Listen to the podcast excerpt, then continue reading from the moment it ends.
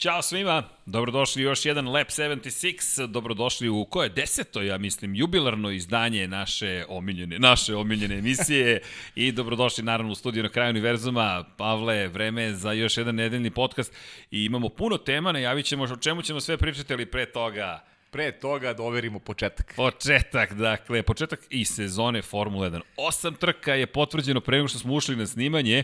Najzad je izašao kalendar i možemo da vam kažemo, to je najvažnija vest. Sve ostalo je palo u vodu istog momenta. Runda broj 1, velika nagrada, čudno mi čude, Austrije.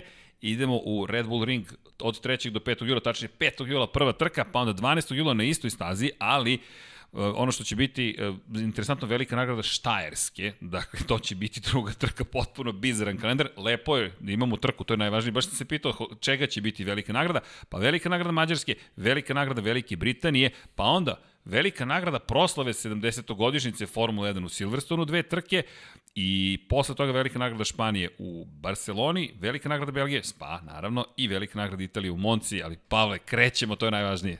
Ma naravno, to je ono što smo čekali, E, meni su malo dosadili virtualne trke, moram da priznam, bit ću skroz iskren i... Sve jasno. Ovo objava kalendara. Znali smo još uče nakon sastanka da se čeka potvrda kalendara. Imamo sad osam trka, neka da. su predviđene da će ih biti još, čekamo šta će se dešavati posle septembra meseca, nadamo se da će, držimo, držimo palče, fige, naravno, da, da bude što više trka, pa ako dođemo do te brojke koje se očekuju, neki 15 trka, možemo reći da je sezona onda u punoj meri Pa, doživela neki, tako je, doživela neki, neki obim koji smo svi priželjkivali, da. Da, kada je reč o kalendaru u Moto Grand Prix otkazana velika nagrada Japana, Motegi nećemo posjetiti, pre toga je otkazana velika nagrada Velike Britanije, dakle u Silverstone neće ići Moto Grand Prix, ako će imati dve trke Formula 1 na istoj stazi, Ostrovo Filip, velika nagrada Australije, takođe otkazana, velika nagrada Holandije i u Formuli 1 i u Moto Grand Prix, velika nagrada Nemačke u Moto Grand Prix otkazana, mnogo otkazivanja, međutim opet ovo je prva, prava, lepa, velika vest, početak jula, dakle početak i, i takmičenje, kada rečemo Moto Grand Prix, ne znamo, ali 19. jul bi trebalo da bude datum kada ćemo otići u Jerez. Pa, opet, velika pobeda, ka, kad vidim koliko neki sportovi beže u stvari od takmičenja, govorili smo o toj temi nedavno u da komentarišeći NASCAR, mislim da automoto sport, automoto zajednica možda bude ponosna na sve ono što se dešava tokom ove pandemije. Malo smo kritikovali Liberty Media, ono, ono dešavanje na, u Australiji na nisu baš bila, bilo je, da, tako, dosta nisu loš. baš bila specifična, ali negde gledam da, da su zaista onako i oni uhvatili neki dobar ritam, donosili dobre odluke i konačno yes. eto imaćemo sezonu NASCAR traje, imaćemo formulu, imaćemo Moto Grand Prix, kada poredim to sa drugim sportovima koji se organizuju takođe na svetskom pa, nivou, gde nisu zatvorena udruženja, nego Izvini, Euroliga, na primjer. Da pripa, mislim, mnoge stvari, košarci. mnoge stvari mi nisu jasne i onda neko sam ponosan što ovo što mi radimo Moram ti priznati da, maha, da. A ponosan sam na sve koji, se, koji uživaju u ovom sportu, na zajednicu, Sigurno, na, da. na oni koji organizuju sport, na takmičare. Zašto? Niko nije rekao, hajde da ne vozimo, hajde da uzmemo tako pauzu, je, hajde da produžimo. Ne, kada ćemo na stazu, kada ćemo na stazu, kada ćemo na stazu. To su vozači koji imaju i slavu i novac i uspehe, neki od njih još nemaju, ali svi jedva čekamo da se izađe na stazu i, i to je ono što je divno bilo, vidite. Ti ja pokre, onako pokrećemo često razne teme, to je ono kao kad bi nas neko pitao da li hoćete da radite. Ne, podrazumeva se da radimo, mislim, to, to, to je... Ne, ne razumem pitanje. Potpuno je glupo pitanje. to, to čak... Da te neko pita da li hoćeš da radiš, pa naravno da će da radiš. Da, ali... ali a... Ne razumem možete da te pita da, čemu to pitanje, ošte, Inače, što je nešto da... što, se, što se podrazumeva, ali vidim da su nekim drugim sportima taj trend je kao ne, neko te pita kao da li hoćeš, pa ti kažeš neću. Znači, to je meni Prvo posao, malo pristao si da radiš neki tako posao, je, bez veze, da. ali ti ja imamo sreću, čekaj još jednom, dakle, ne da radimo posao, mi, mi uživamo ono, mi, mi živimo naše snove. Dakle, ovo je čista zabava, ovo je, ja, ja, ja i dalje, kada, kada god sednemo da radimo nešto, kažem sebi, okej, okay, moj današnji dan izgleda ovako. bukvalno, I posle zašto idemo da radimo, ne znam, od ponoći do pola sedam, ma jednostavno, ljudi, Zašto lansiramo rakete? lansiramo to ćemo, pričat ćemo posle, to je, pričat ćemo, pričat ćemo, potom, da. ajde polako. Za sada lansiramo kalendar Formule 1, nadamo se uskoro Moto Grand Prix, NASCAR, odmah da spomenemo, dakle, teme su nam standardne Formula 1, Moto Grand Prix, NASCAR i rekao bih standardna tema, to je komunikacija s ljudima koji nas prate, podržavaju i hvala svima, ima mnogo pitanja, potrudit ćemo, ima nekih želja, doći ćemo Dobro. i do tog segmenta ispunjavanja želja. Tako je, tako je. red je. Red je, naravno, ali teme su, dakle, u Naskaru dve trke su iza nas, još dve trke su iza nas. Chase Elliott, pričali smo o onome što je doživeo, ali evo, pobedio je u četvrtak, ne u sredu, u četvrtak je pobedio. Da, da, prva trka četvrtkom posle, ne znam koliko, rekoš neki 20 godina. Tako je. Ali trka je bila zaista interesantna. Mogli ste gledati u četvrtak, nije bilo naših komentara. Čudan raspored smo mi imali, okolnosti, tako je. Okolnosti su bile onako specifične. Chase Elliot imao dobar automobil spreman za za te posljednje deonice, znači za posljednju deonicu, bolje funkcionisao na tim dužim stazama, tačnije u, u dužim etapama, namestilo se da 32 kruga se vozi bez prekida, bez žutih zastava, to nije odgovaralo Kevinu Harvi koji zaslužio je Chase Elliot malo se reći posle dve trke u pa kojima da. ih nije imao. I Darlington, ga Kyle Busch prvo. Izbacio ga u Darlingtonu Kyle Busch, u Charlotteu je Pa. Znamo šta je bio William Byron, žuta zastava i, i Alan odluka Gustafson, ekipe, tako da, je, loša tako. odluka. Tako da je zaslužio Chase. Ono što je interesantno, Chase Elliot je recimo i dan pre e, ove trke posljednje, e, tačnije dan pre trke koju je vozio u Charlotteu je pobedio u track seriji Kajla Busha. Da, to on je, vozi track seriju, vozi, vozi seriju, track seriju, a, ali ne dešava se često da Kyle Busch gubi u track seriji kad se takmiči. Kyle Busch je vrlo dobar u track seriji, ali pobedio ga je Chase Elliott u nekom fotofinišu, bio je E, bilo bolji, uzbudljivo. Baš je bilo uzbudljivo i nekako je razbio taj maler, mogu slobodno da kažem, što je preneo na, na trku u četvrtak i, kažem, popuno zasluženo. U ostalom i ovo truku smo radili u nedelju sređene kaj. Bilo je fenomenalno, to sam htio kažem. Imamo... Opet je vozio dobro Chase Elliott. Dobro je, malo je na kraju imao potez viška, dakle, Jest. pogotovo ako pitate Joya Logana, izbacio i sebi Logana sa staze, ali to opet trkanje. To je trkanje pravo, zaista ne treba zameriti Chase Elliottu. Pazi, ja kao, ja kao navijač, kao navijač Logana nemam tu šta da mu, šta tu da ali, mu zamerim. Čekaj, evo ga čovek, Ayrton Senna, dakle, šta je rekao? Ukoliko vidiš prostor i ne pokušaš da pretekneš, Pa Nisi više pa trkački vozač. Ni ja tebe ne ih pustio na stazi, nema šanse. nema šanse. Pričali smo o tome, dakle... Malo bi se raspravljali, možda posle ne bi nam bilo pravo, ali... Rešili bismo to. Uz neko piće bilo bi sve brzo da. bi bilo gotovo. Tako je. Ali, ko je pobedio? Zapravo, možda ko je bio na poziciji ko broj 2? Ko je bio dva? najveći srećnik, da, Bret Keselowski. Ali ne zaboravi, pobedio, ne zaboravi ona odluka je bila jako bitna kada jeste. je jedini menjao, imao dve gume ali, s leve strane koje je stavio. Ti si to i najavio. Pa dobro jeste, ali, ali mislim, srđene, dugo smo u tome, nije bilo... Ja, ja, sam, ja sam samo prvi rekao i nisi to mislio isto, tako da... Ali, ali opet lepo, sporno, je, da. lepo je to što vi, šta vidimo sada u Naskaru i sad baš smo se presjećali Taktika, prve da. trke da. i, i ove sada trke, koliko drugačije vidimo sport i koliko je divan je, pa sport. Pa kako ne, pa to je čim uđeš malo, malo ozbiljnije da pratiš, eh, set, pa da, baš se seti prve trke. Seti. A šta radimo? Kao stranci ne, u noći, znam, kao, da. Sada uživamo u tom i na šta je dobro, što očigledno prenosimo onako dobru ja energiju nadam, na ljude da. koji vidim da se javljaju sve većem broju u NASCAR je Samo iskoristio, pišite. da, iskoristio je taj momentum uh, usled uh, pandemije koronavirusa kad se ništa Ali... nije održavalo. Taj i NASCAR je rekao bio pokretač za ljude makar sa sam, ovih prostora da, da, da prate to uh, onako malo sa većom pažnjom, aj tako se I, i, I ta lepota i ljubav se polako rađe. Dakle, NASCAR traži malo više posvećenosti, duže traju trke, specifične su, ali zaslužuje pažnju, a i mislim zaista da je pozitivno utjecao na ceo automoto svet. Kada vidite jednu seriju kako organizuje trke na asfaltu i kako prikuplja što gledanost, što sponzore, Kažete, da. čekaj, iz perspektive sportskog duha, iz perspektive organizacije, iz perspektive biznisa, ovi ljudi rade određeni posao. Pa vidio si i Liberty Media neke odluke koje su neki sastanci u prethodnom periodu su mene dosta posjetili na ono što radi NASCAR trenutno. Pre, jedno, jedan na jedan. Tako je obrnut redosled kada pričamo je. o kvalifikacijama i tako, ali pričat ćemo o tome da, kad dođe red. Da, to je tema, da. Ali, ali to je sve prepisano, rekao bih, iz NASCAR-a. Nije ni čudo što i Liberty Media ipak, uh, rekao bih da oni malo više imaju makar čelnici te organizacije malo više imaju kontakta sa NASCAR-om, pa neke dobre stvari mogu i da prepišu što da ne. NASCAR što je da zaista ne. dao dobar primer kako se funkcioniše i ova, ajde da kažem, teška vremena. Pa, pa potpuno neverovatno izgleda, dakle, da, dobio sam pitanje, dakle, pre nego što smo ušli da radimo trku, a je li ovo virtualna trka ili prava trka? Dakle, toliko smo već navikli da idu virtualne trke. Kada je tvoj komentar, kada reče o tvom komentaru, moram ti priznati da poslednja trka Moto Grand Prix je virtualna velika nagrada. Da nije pobedio Jorge Lorenzo, i to na način na koji je pobeđivao u, u svojoj karijeri na asfaltu, dakle, uz neverovatan fokus, zaboravio bih trku. Već je izgubilo na, na draži iz te perspektive komunikacije vozača. Jednostavno, zasitili smo se toga, želimo ono u čemu užimo. Što ne znači da ćemo odustati od naših ideja. Čega se nismo zasitili? Da igramo protiv jedni protiv drugih, da igramo mi sami na sazi i da vozimo sa ljudima koji prate što Sport klub, što Infinity Lighthouse, dakle, zašto, nisam zaboravio, dakle, samo da stignemo sve, dosta toga radimo isto vremeno, ali jun ćemo iskoristiti malo i da se igramo međusobno, jer mislim da to ono što je najlepše u virtualnom trkanju, što možemo jedni sa drugima da sednemo i kažemo, ajmo da vidimo kako Paja vozi, kako pa, Srđan vozi, to je mnogo, pomoglo nam je da prebrodimo taj period bez trkanja. I iskreno, kada pričamo onako u naše ime, bili smo i mi aktivni. Kako nismo? Znaš, radili smo nešto, bili smo sebi korisni u krajnjem slučaju i malo, malo slušali, onako pratili komentare. I u tom mraku, u jednom momentu, mrak je pravi bio, pa, dođe ti svetlo. Jeste, jeste. Baš smo u tom, uživali smo to vreme više nego sada. Sad smo malo da. razmaženi, čekamo početak sezone, približava, sad imamo i kalendar Formule 1. Izašli su motori na stazu. Jeste, pritom ja kapiram da ti više voliš ovaj, da, da pratiš ovaj, te igrice, pošto ja nisam sklon igricama, ali eto, Guilty. tu smo. Okay, Kriv. Smo, tu smo da, jedan, jedan, tako da... Da, da. Ja priznajem taj... da sam se malo već umorio od toga, iskreno.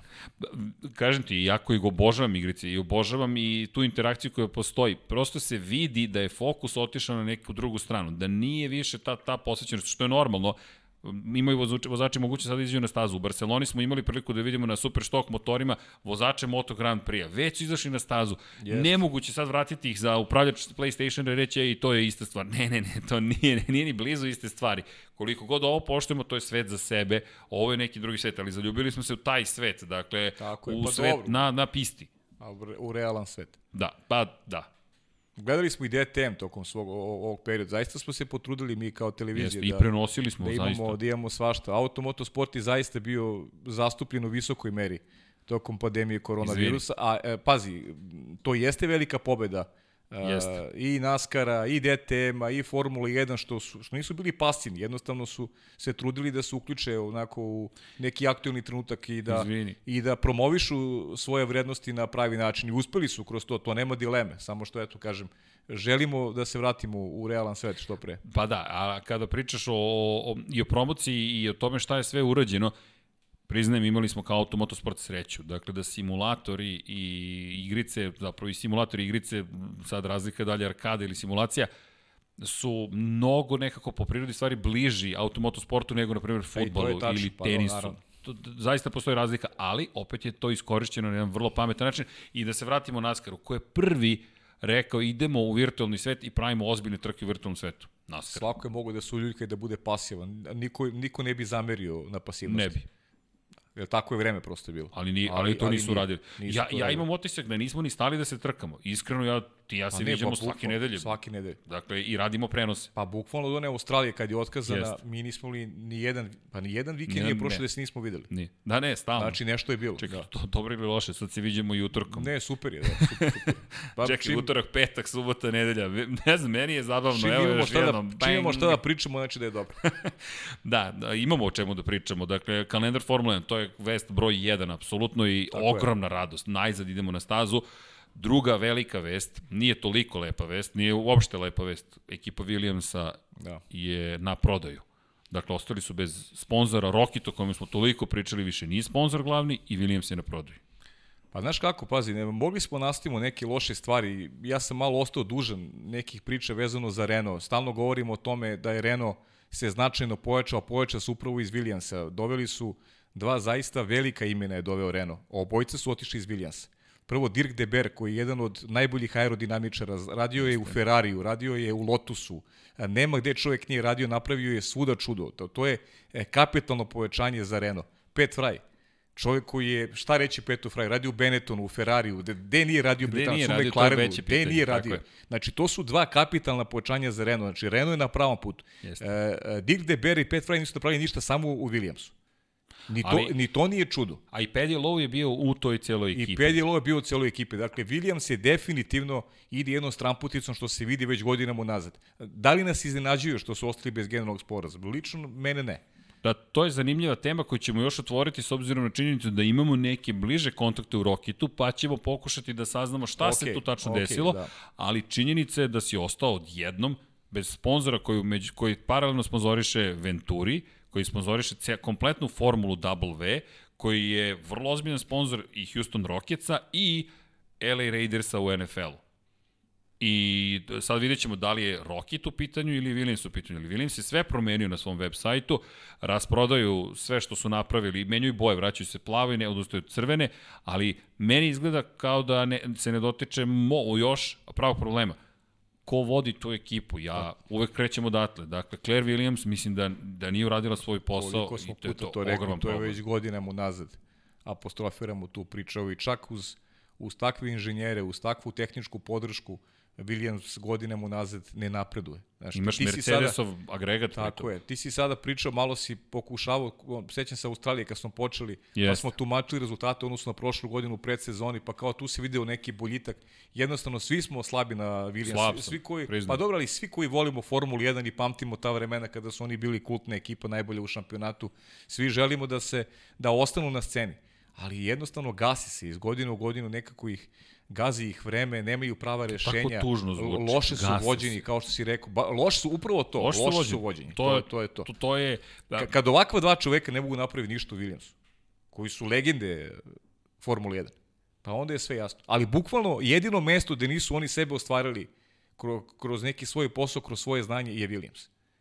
Pa i Pedi Low, on pa je i, čovek koji je bio u... Prič, da, i Pedi Low, pa u priča... Mercedesu, jedan od ključnih zato, zato što stavljam akcenat na Renault koji, jasno, opet, jasno. koji opet ostaju u Formuli 1, oni su druga tema, I, ostaju u Formuli 1, ali ostaju to su, s, punim, s punim eh, pravom, s punim razlogom ostaju. To su veliki vesti. Dakle, ako, ako pričamo o, o, o onome što je Renault saopštio, dakle, kada govorimo o šefici, o Clotildi eh, Delbo, dakle, evo čitam njenu izjavu Dakle, izjava koja kaže ostaćemo u Formuli 1. Dakle, kada neko ko je na poziciji izvršnog direktora Renaulta, ko de facto predstavlja francusku vladu, kaže ostajemo, to mi ja sam siguran da ostaju. Dakle, ima mnogo priča o Renault. Pričat ćemo, bilo jedno od pitanja da li mislim iz Valterija Bottasa da će ići da, eventualno da, da, u Renault. To je, to je meni interesantna cela priča o Bottasu, jeste, njega se nismo dovoljno jeste, dotakli. tema je odlična. Hoćemo ali, sad da pričamo hoćemo odmah da skočimo. Pa, pa volimo da skačemo, zašto ajde, da ne. Da. Ali, ali ajmo, ajmo pre, pre, samo ajde, pre toga. Ajde. Williams, ajmo samo da, da, da, da, da, da ispoštujemo Inače, ovo su delovi e, bravo, da. menjača Williamsa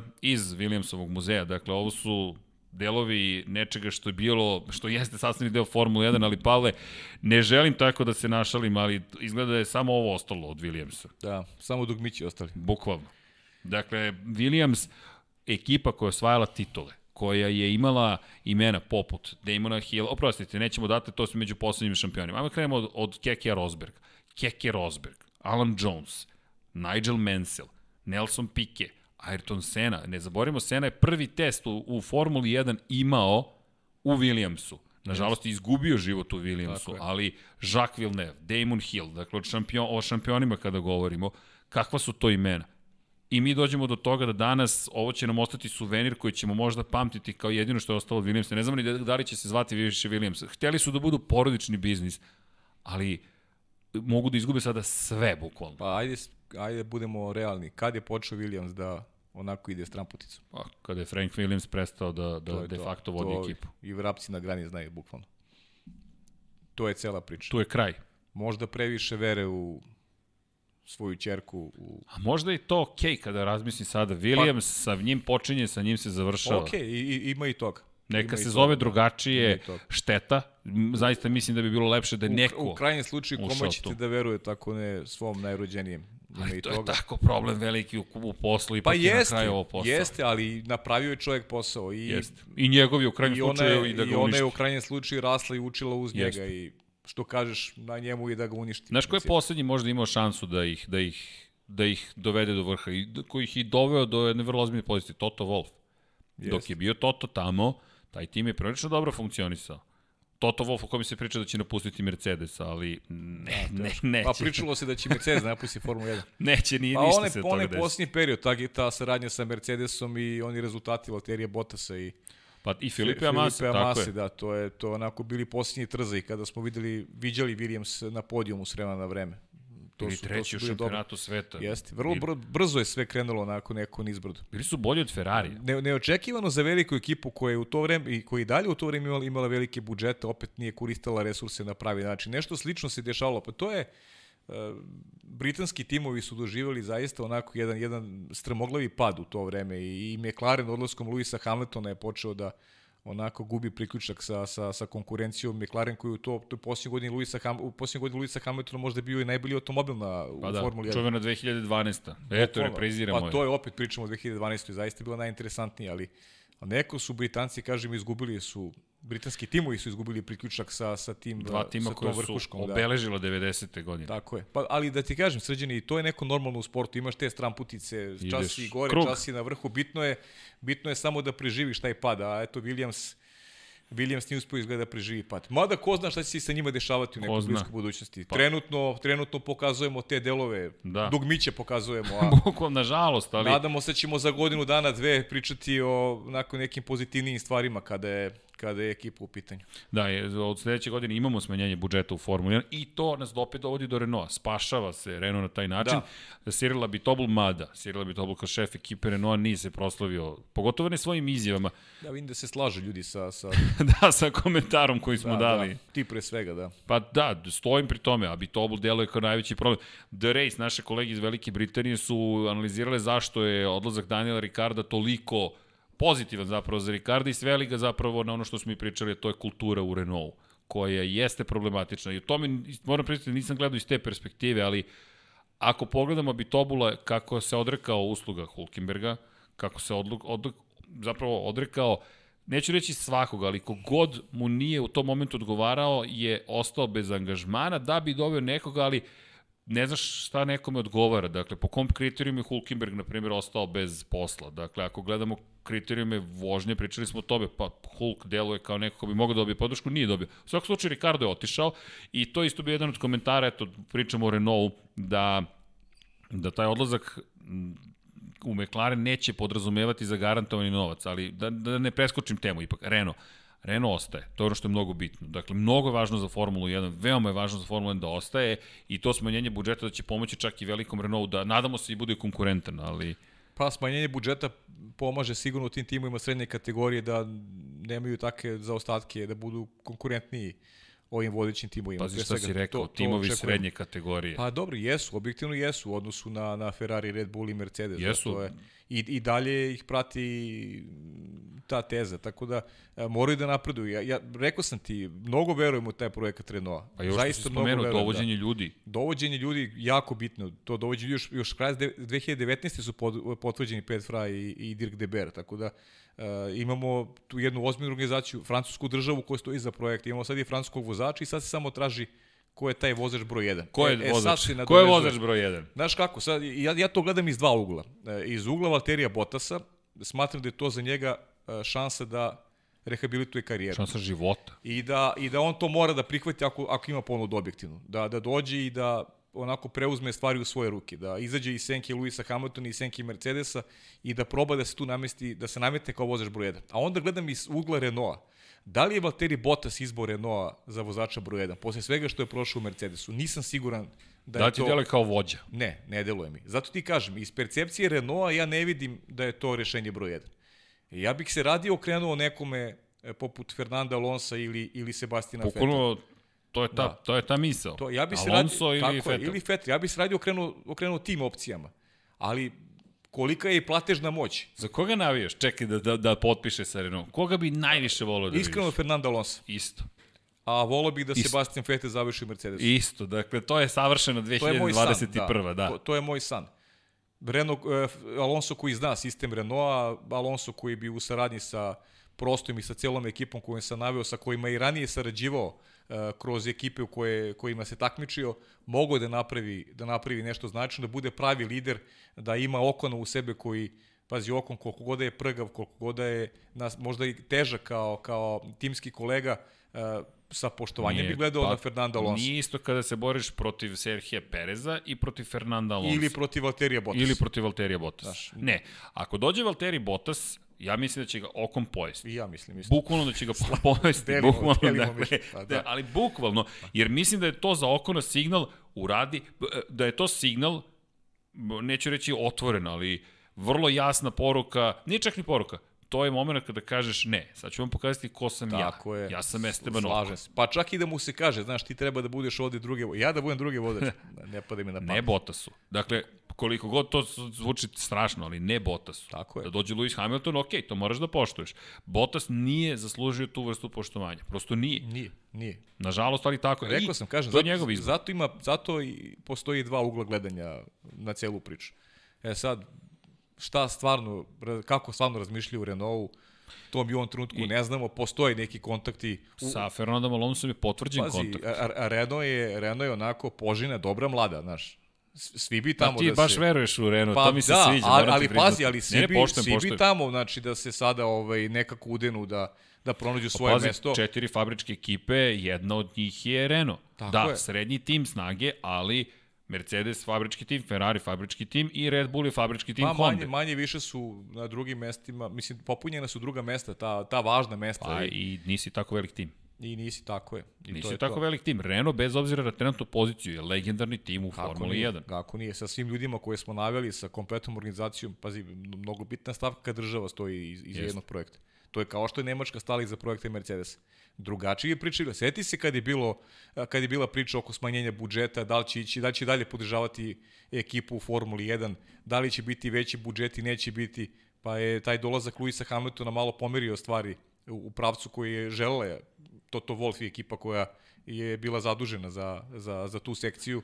Na kraju je Nemačka država uh, uzela onako ozbiljno učešće u to da Mercedes se stabilizuje i postane dominantan u, u ovoj eri formule. Nemačka koja bi mogla da ostane bez vozača naredne sezone. Da. Da se o- dotaknemo opet ponovo, Da, pa da, to je uvod. Dobro, normalno, ta, ta tema jeste aktualna. Znaš šta, čitao sam ovaj, čitao sam izjavu Kristijana Hornera, vrlo interesantno njegovo zapažanje vezano za i popuno se slažem da. sa Hornerom da je Sebastian Vettel jedan od najboljih vozača u istoriji, to nema nikakve dileme. Četiri titule šampiona sveta, ne to samo je dovoljno. četiri titule, to ide od ljudi, mislim da to nije sad onako bilo kako bih rekao, zarad neke Misliš bivše ljubavi. nemerljivi momenti. Pa da, da, nije bilo zarad bivše ljubavi, mislim da je izjava Hornera bila popuno iskrena, ali e, da nije siguran kako bi u ovoj novoj eri funkcionisao Mercedes sa, sa takva dva vozača, da nije siguran da bi prihvatio e, bilo koji veliki tim da u garaži ima takva dva takva dva asi. Sad dolazimo do one one teme od prethodnog od prethodnog e, podcasta kako se vrema, vremena promenjala i kako timovi jednostavno traže pre svega dobar balans un, unutar unutar svojih ekipa. E, To je bilo jedno od pitanja. Tako Kada je, je. počela era vozača broj 2? Pa traje ta era vozača Traje, broj 2, ali jedan duži period. Bilo ih je i ranije, samo se nije toliko pričalo o tome. Međutim, ovako da je klasifikovan kao vozač broj 2, ka, da kažemo to je baš vozač doveden je da bude vozač broj 2. Moj utisak je da to kreće pre svega od Mihaela Šumahera. To jest ne koliko od Mihaela Šumahera, koliko te postavke koju smo imali kod Flavija Briatorea, Benetton, kasnije Ferrari.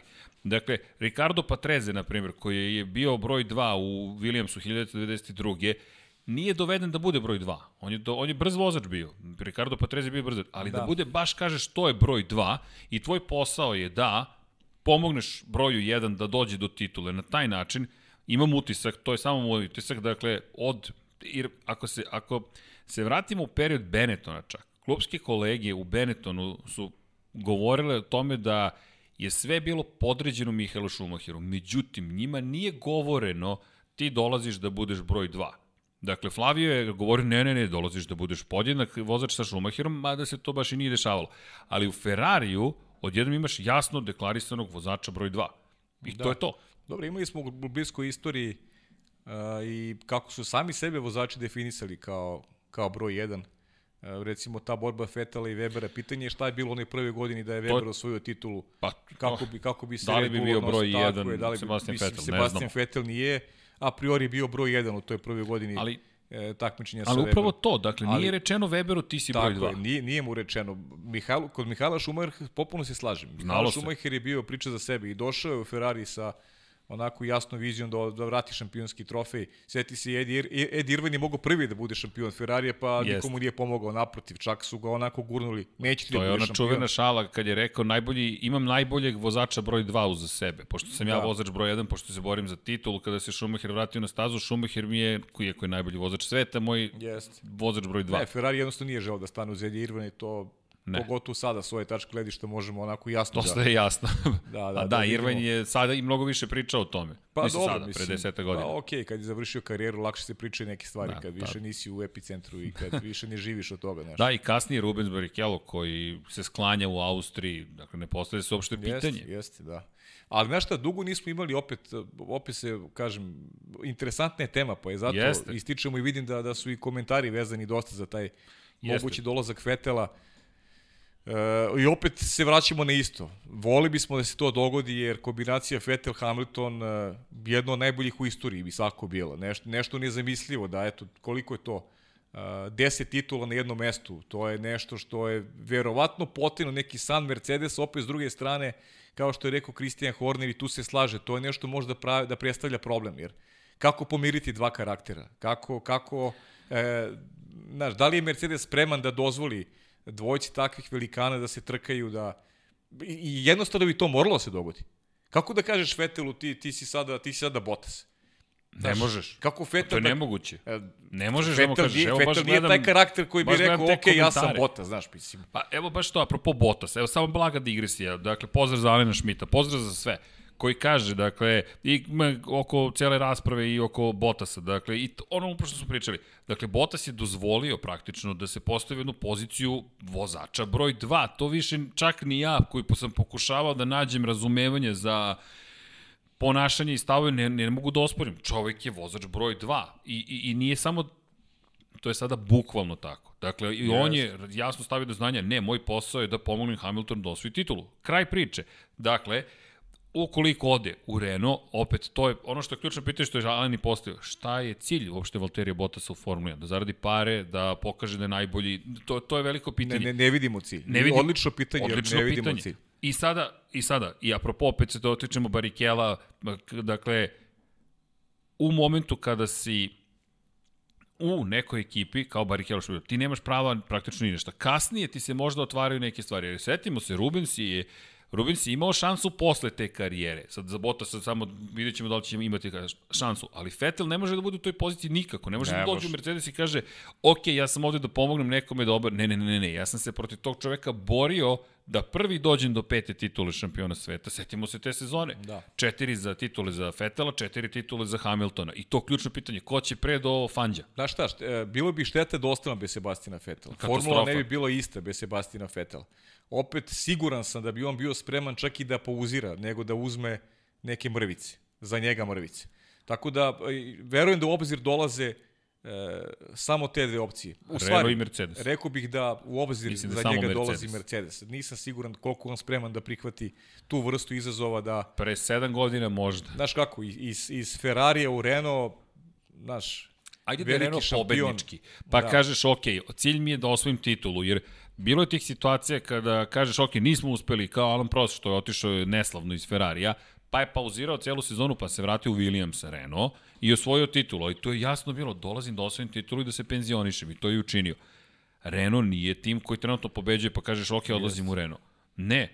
Jedini koji s kim mogu još da pobeđujem su Red Bull, koji gde su vrata zatvorena, i Mercedes. Znaš kako, i i filozofija Mercedesa kao tima je, ako može da ima nemačkog vozača u sebe, dobrog nemačkog vozača, oni će to iskoristiti. Za, za razliku recimo od Ferrarija, sjetiš kakve je problem imao Enzo Ferrari s početka, koliko je e, poginulo italijanskih vozača u Ferrariju, koliko se Enzo, sećaš se tog perioda, mislim, čitali smo Pa Nije ništa da drugo. angažuje prosto italijanske vozače Prosto nije želeo zato što je morao da plaća posle velike globe i to su bile ja, jake su priče. On jedno vreme čak je, je trkačka ta sekcija bila pred zatvaranjem, da nije bilo Fijata, pitanje je šta bi bilo i sa Enzo Ferrarijem i sa, i sa, I sa cijelom ekipom. sa celom ekipom, da, da li bi se uopšte Ferrari takmičio u automoto sportu i to je velika pitanje. Definitivno ih je Fiat spasio propasti, definitivno, u to vreme. E, filozofija Mercedesa je popuno drugačija od Ferrarijeve. Mercedes voli da ima u sebe nemačkog vozača. Fer, e, ne, Mercedes imao dvojicu nemačkih vozača kada se vratio posle 50 godina u takmičenju. Rosberga i Schumacher. Rosberg, tako je. Znači, Schumacher je, možemo reći, postavio temelje e, Mercedesa. To je veliki šampion. Baš diskusija koju smo imali. To, to je činjenica. Či, veliki šampion Sedam titula tako je šampiona vezao, vezao najveći. za sebe, vezao za sebe e, mnogo kvalitetnih ljudi. Mercedes Pa, došao do triumfa vrlo brzo, Okrenuo istina krug. Niko Rosberg, Pa mogu reći da je čak i Niko Rosberg imao tu vrstu privilegije, da je ta saradnja sa Mihalom Šumacherom njemu pomogla da onako sazri i da mentalno Izvini. jača, da dođe u situaciju da se bori sa takim, pazi, e, koliko god smo mi pocinjivali Nika, Rosberg, Nika Rosberg, e, Niko Rosberg je pobedio jednog od najvećih u istoriji ovog sporta pobedio dvojicu, jednog od najvećih Hamilton. Okay, to, u to vreme, u to vreme Mercedes Schumacher. I Schumacher pazi, on koji Schumacher, se vratio, Schumacher nije bio u najboljoj formi, definitivno. Ne, ali, a, ali izvini, jednog od najvećih, ako govorimo o Lewisu Hamiltonu. Tako je, mislim na Lewisa Hamiltona. Da, da, to sam, razumeo sam te, ali vidi, I čak i ta era, druga era Mihaela Schumachera, koji nije bio svoj, opet ti si protiv najvećeg, trenutno najvećeg, yes, još ovih zvanično yes, bio brž. Ali, ali Mihael u to vreme nije, Što definitivno, imao je veliku pauzu, nije ali, bio. Ja znam, mislim da je njemu ali, više pomogla, ta, ta, taj period mu više pomogao da uči. A imao to koga da uči, kažem. to je mnogo, mnogo bitno bilo. I Mihael u to vreme nije bio neko ko je imao, da kažem, taj krvnički instinkt na stazi, znaš, ali, već je, bio, mislim da je bio dobro podređen. Ali, ali zamisli samo sledeću stvar. Ti si pobedio Mihaela Schumachera Nevažno je, dakle, u kom momentu, iz perspektive psihologije, to ti da. si pobedio Mihala Šumahera, evo, kad si ga Valentino Rosija. I dan danas, klinci, kada stignu u Moto Grand Prix, kažu, trkam se sa Rosijem i upravo sam ga pretekao. Bez obzira da li je treća, četvrta jest, pozicija. Jest. Obišao sam jednog od najvećih svih da, vremena. Da, bez obzira u kom je on stanju, u kojoj Sa, formi. Tako, slažem se. Samo slažem psihološki, zamisli kako je to uticalo na Rosberga. I, I on je to i pričao, kako ga je to spremilo kasnije za bitku sa Hamiltonom. Da, mislim da je kažem, iz perspektive Rosberga, mislim da je tu edukativnu rolu više imao Schumacher, jer imao je imao, imao je da želiš garažu sa Schumacherom. Pa to, je, to je kraj priče. Dovoljno je dovoljno je pogled na njega da vidiš da vidiš njegov kakvu on ambiciju imao, koliko je bio posvećen sportu da nešto da nešto ovaj od toga Čekaj, da nešto lično, toga... skupuješ njegove figurice, on sedi preko puta garaži. Kažeš, izvini Mihajlo, te pitam. Bio je bio je dobar bio je dobar učenik Niko Rosberg. Jeste, to to sigurno. Učnik, da. A, a još je se rodio u porodici sa Kekeom Rosbergom, pa, dakle sin da. Kekea Rosberga. Znaš da je nekad, znaš da nekad e, To ljudi, i odmaže.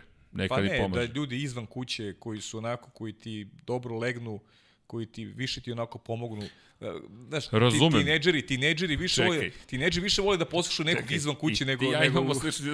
pa znam, za, zato vidi, ti pričam. Ne mogu za tebe da kažem, ja znam koliko sam se ja s tatom prepirao i raspravljao. Ne, neka su ne, treneri, da do mene. Neka su treneri imali onako bolju rolu u, u vaspitanju nego, nego, nego, ovaj, nego roditelji. Izvini, znaš koga sam sreo pre neki dan? Dejana Stevovića. Dakle, Dobro. Deki Stevović koji je bio moj prvi urednik i koji ono što je moj otac pokušavao da me nauči, ne, ne, da nema šanse, Deki me naučio.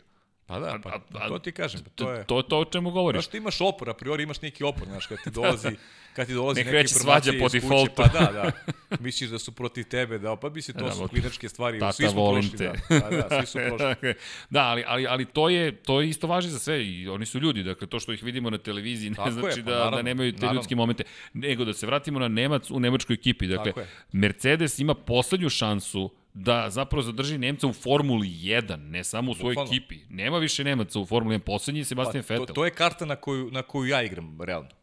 Ja, ja iskreno ne to, znam to zašto. Mi, to mi je najvažnija karta. Verujem da će se to desiti. Isto, isto mislim da hoće upravo iz ovog razloga. Znaš. Vidi. Jer pazi, e, automatski mislim da, da Mercedes e, ima duplo više navijača nego što ima sada to bukvalno Mercedes Znaš, stavljao na novu poziciju. Potpuno dakle, novu poziciju u sobstvenoj državi. Tako je. I, jer Mercedes jeste kultna marka tamo. I, i ne samo Ali državi. Nemac u, u ekipi. To A je zamisli poštovanje ljubitelja automobilizma. Da. Imaš, hrabar si toliko da staviš Hamiltona i Fetela u isti bolid. Tako je. Pazi, za to ti treba hrabrosti. A ako bi neko mogao da, da upravlja tom ekipom, to je Toto Wolff.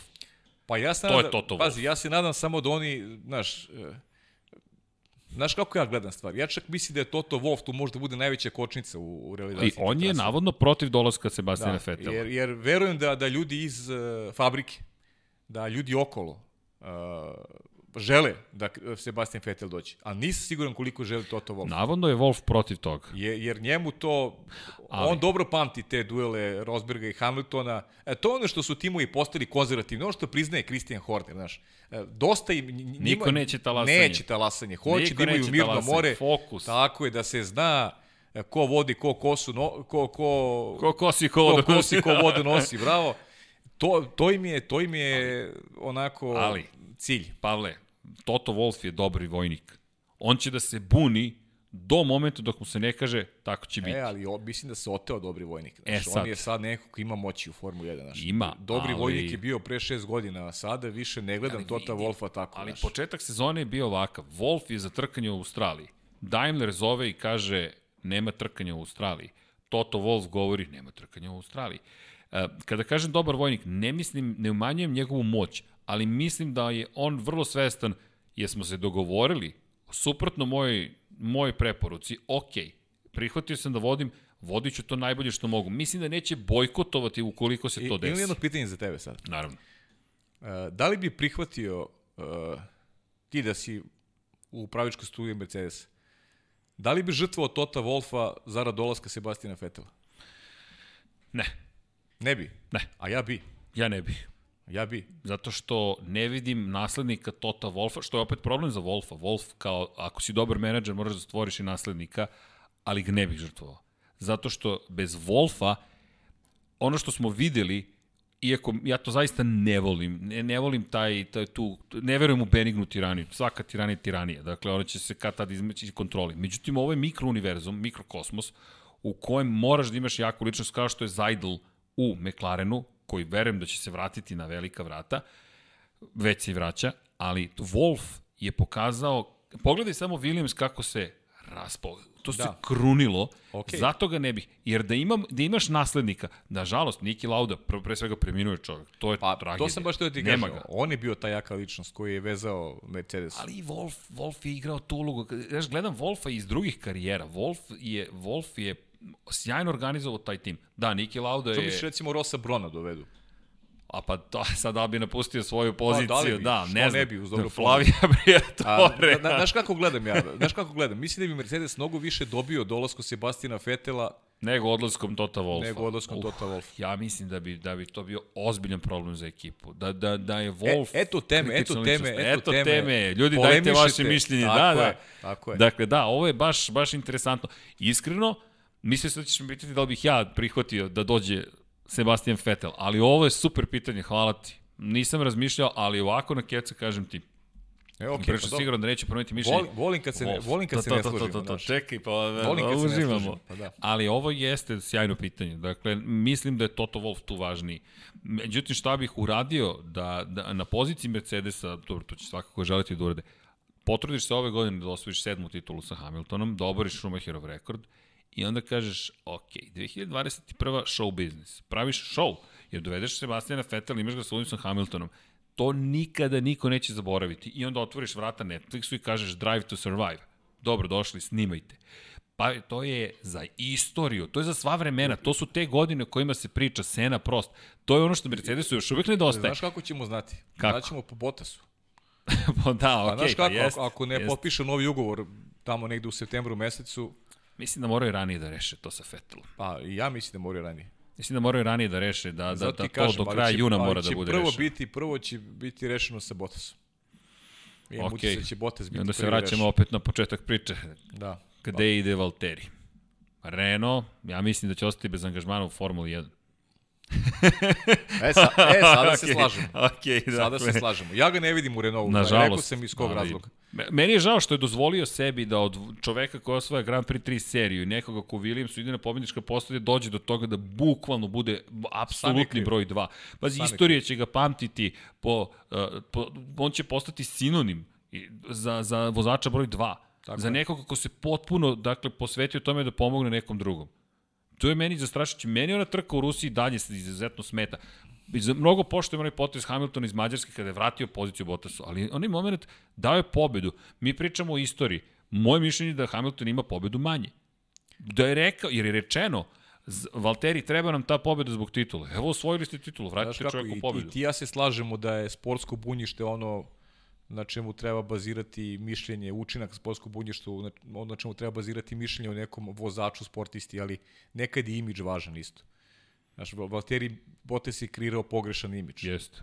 Nije, jednostavno nije stavio ni javnosti do znanja da, da, ima, neki, da ima neku sportsku ambiciju. Znaš, to, to su redki trenuci bili, pa mislim, on se gotovo nikad nije bunio ni za šta.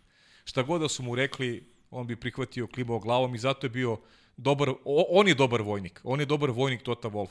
On, ne, on je baš, On je baš. slušao sve što mu kaže Jeste. Toto Wolf. Da li će biti nagrađen za to, bojim se da neće. Ali to je samo naše mišljenje. Ne mora znači, ko zna kako razmišljaju Renault. Da ne zaboravimo srđene budžete. Budžeti su jako važni. Opet zavisi od toga ali, koliko imaš pa, para da priuštiš sebi jednog vozača kao što je ali, Alonso ili Bottas ili, ili, ili Vettel. Ali za sada budžeti samo važe za sve osim za plate. Da, da, okej, okay, pričamo Tako o plati, da, sada pričamo o plati. To sada su... pričamo samo o plati. I, ali vidi, to je opet priča o ograničenju budžeta. Budžeti ti će pogoditi pre svega inženjere, e, ljude koji su u fabrici, neće toliko pogoditi vozače. Vozači će ostati zvezde, ali to je priroda stvari. Dakle, govorimo o možemo da biramo koji sport želimo. Dakle, velike zvezde su velike zvezde. Privlači i apropo imidža, kako postoješ velika zvezda? Pa ne samo zahvaljujući, evo Jimmy Johnson. Čovjek je sedam titula svoju naskaru, ali nije da, zvezda. Da, ništa, nikoga ne Nije zvezda, jednostavno nevidljiv je. Ali tako kad imaš harizmu, kad znaš da nastupiš, možeš i da ne osvojiš ni jednu titulu. Pa beo, Dale Enkrat junior, kaže Dale Enkrat junior. Uze mi misao, bukvalno. I sad kad ne vozi je popularniji od Jimmy Johnsona 7 titula. I svi, svi kada se pojavi, došao je Dale Enkrat junior, koji jeste sin Dale Enkrat, jednog od najvećih svih vremena, ali je čovek koji je ultra popularan zato što je harizmatičan, zato što je rekao prave stvari, stao iza pravih stvari Jeste. I pobeđivo pa Daytona. Poštovo sebe, što je najvažnije. To je, to je ono što je nedostajalo Valteriju Bottas. Sa, samo poštovanje, da on je stvarno onako Nekako nije imao stav. Nije, nije imao stav nikako i nije nije podsjećao ni na delić onoga što je pokazivao u Formuli 3. Jel, pričali smo o tome, Formula 3, preći iz Formula 3 u Formulu 1, to je redko koji vozač uspevao. Ali eto, to... Bottas je bio dobar nije, u tome. Nije, bio odlično u tome. I, pa kako su i gde smo danas? Titul. Ali izvini, Kaži, samo da konstatujem, kako? Kada je svoj titul? Pa drugi pa deo da, sezone, pa kakav je bio? Brutal, ono je bilo fenomenalno. I, i, i, i, i, i ti ja smo gledali Bottas i govorili, ovaj klinac će biti poseban. Jeste. I to je negde nestalo.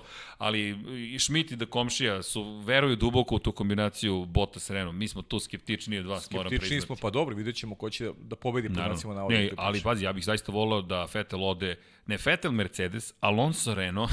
dakle, i to je Formula 1 gde ne gasiš televizor, dakle, nevažno je, dolaziš. Max ti je u Red Bullu, Max Verstappen, dakle, predvodi Red Bull.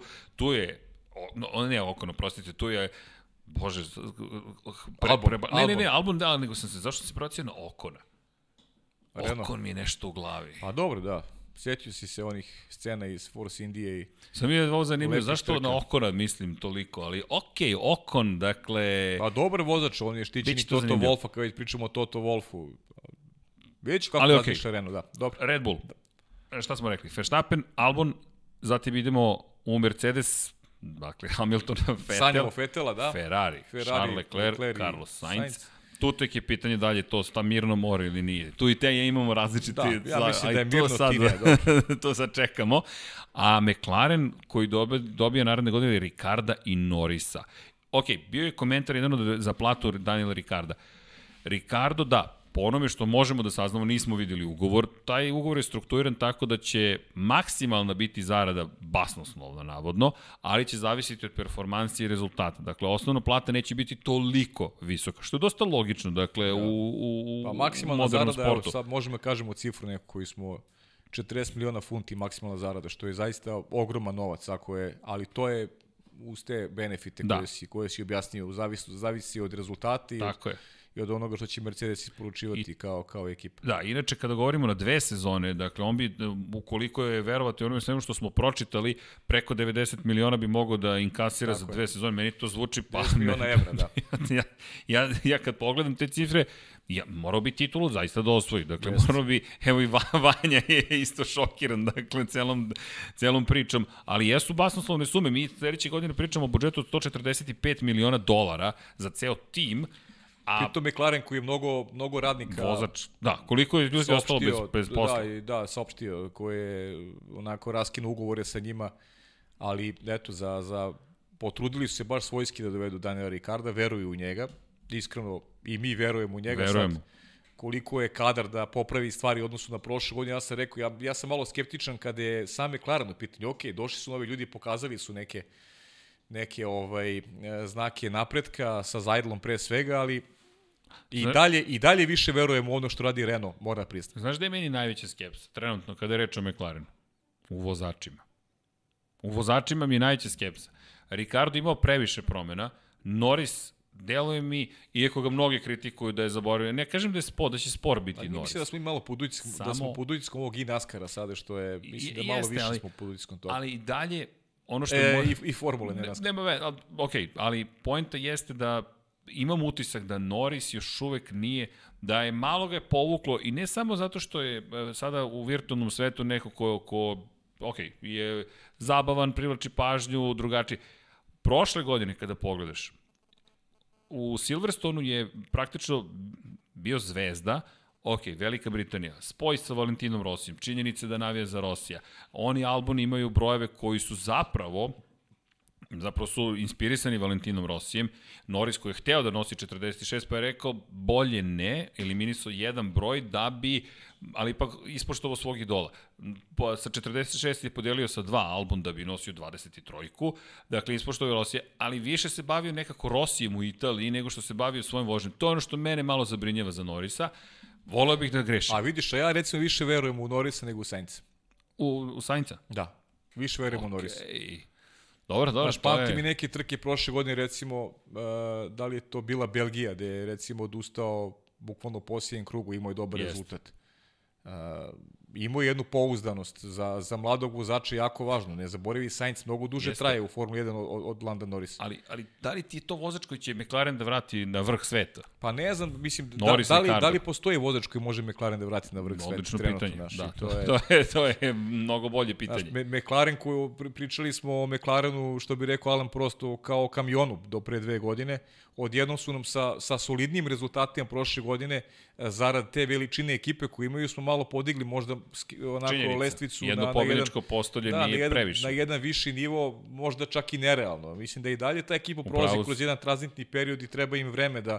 Ne, upravo si da 100%. Pa, Pazi, Racing Point, to jest Force India imala više pobedničkih postolja, mnogo više, više nego McLaren. Nego McLaren pa opet ne gledam, ja makar ne gledam Racing Point kao e, tim koji može da postigne nešto više. Razlika između, između McLarena i Williamsa je ta što je McLaren pronašao način da kroz nove ljude uh, se malo podigne u rezultatima i da podigne lestvicu. I, i uh, mi pamtimo ti ja, imamo godina da pamtimo McLaren iz najboljih izdanja. Onda smo malo bolećivi, kao, kao i prema Williamsu, i možda su na veće očekivanje.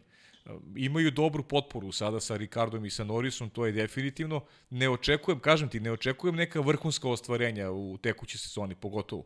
Šta će biti sa novim pravilima kada krenu nova pravila 2022. godine, to ne zna niko trenutno. Da, to je... Ali da su napravili dobru bazu. Ogromno Napravili su dobru bazu.